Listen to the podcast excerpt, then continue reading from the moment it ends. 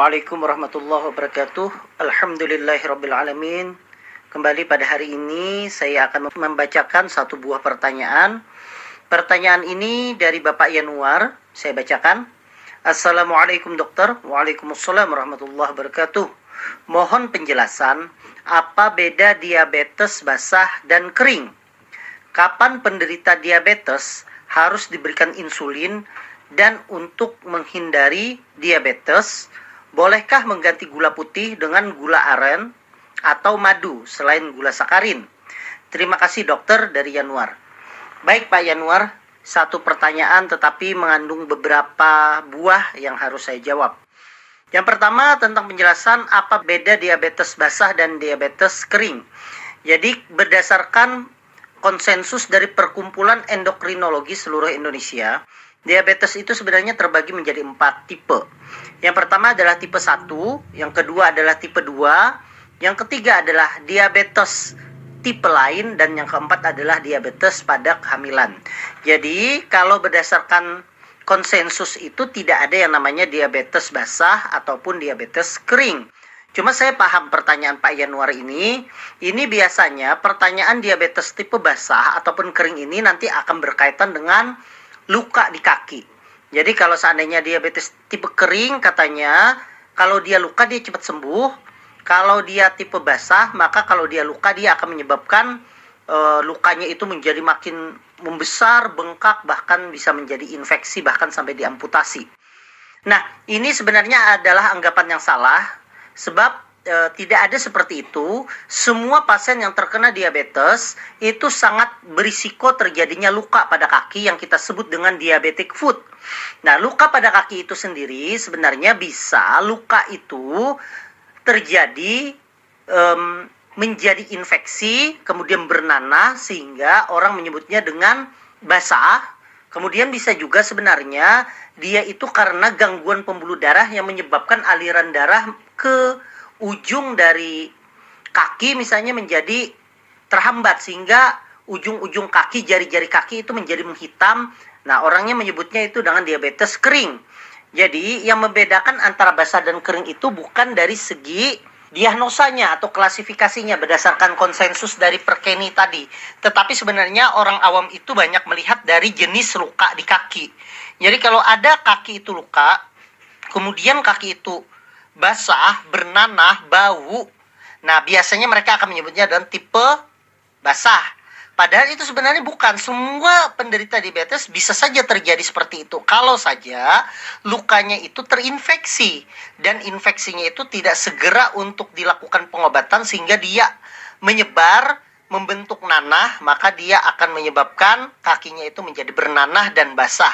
Ada juga kaki itu tidak terinfeksi, tetapi gula darahnya itu menyebabkan aliran darah ke kaki itu menjadi berkurang, bahkan tersumbat.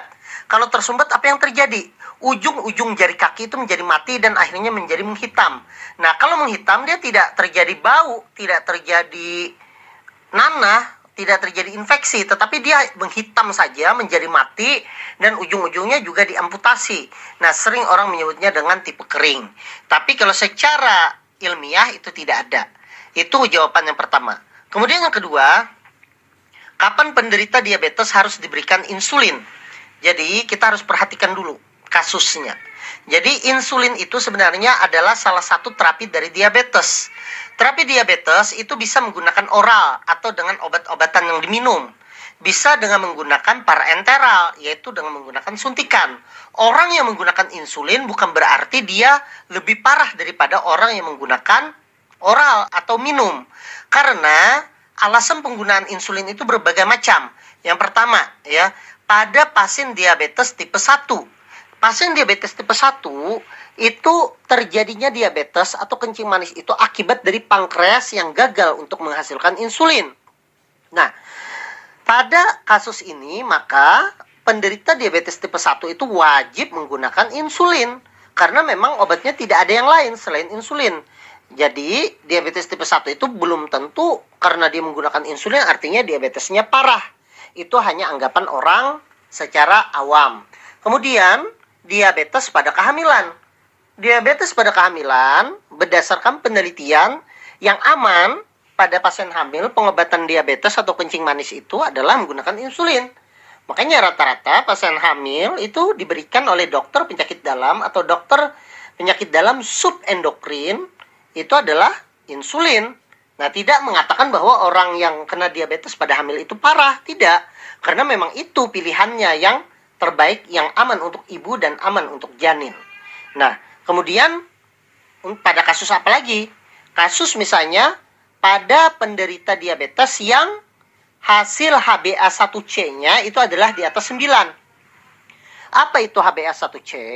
HbA1c itu adalah penilaian gula darah rata-rata dalam tiga bulan. Kenapa bisa tiga bulan? Karena dia itu gula darahnya terglikosilasi dengan hemoglobin. Hemoglobin itu adalah darah merah kita di mana umurnya itu adalah tiga bulan.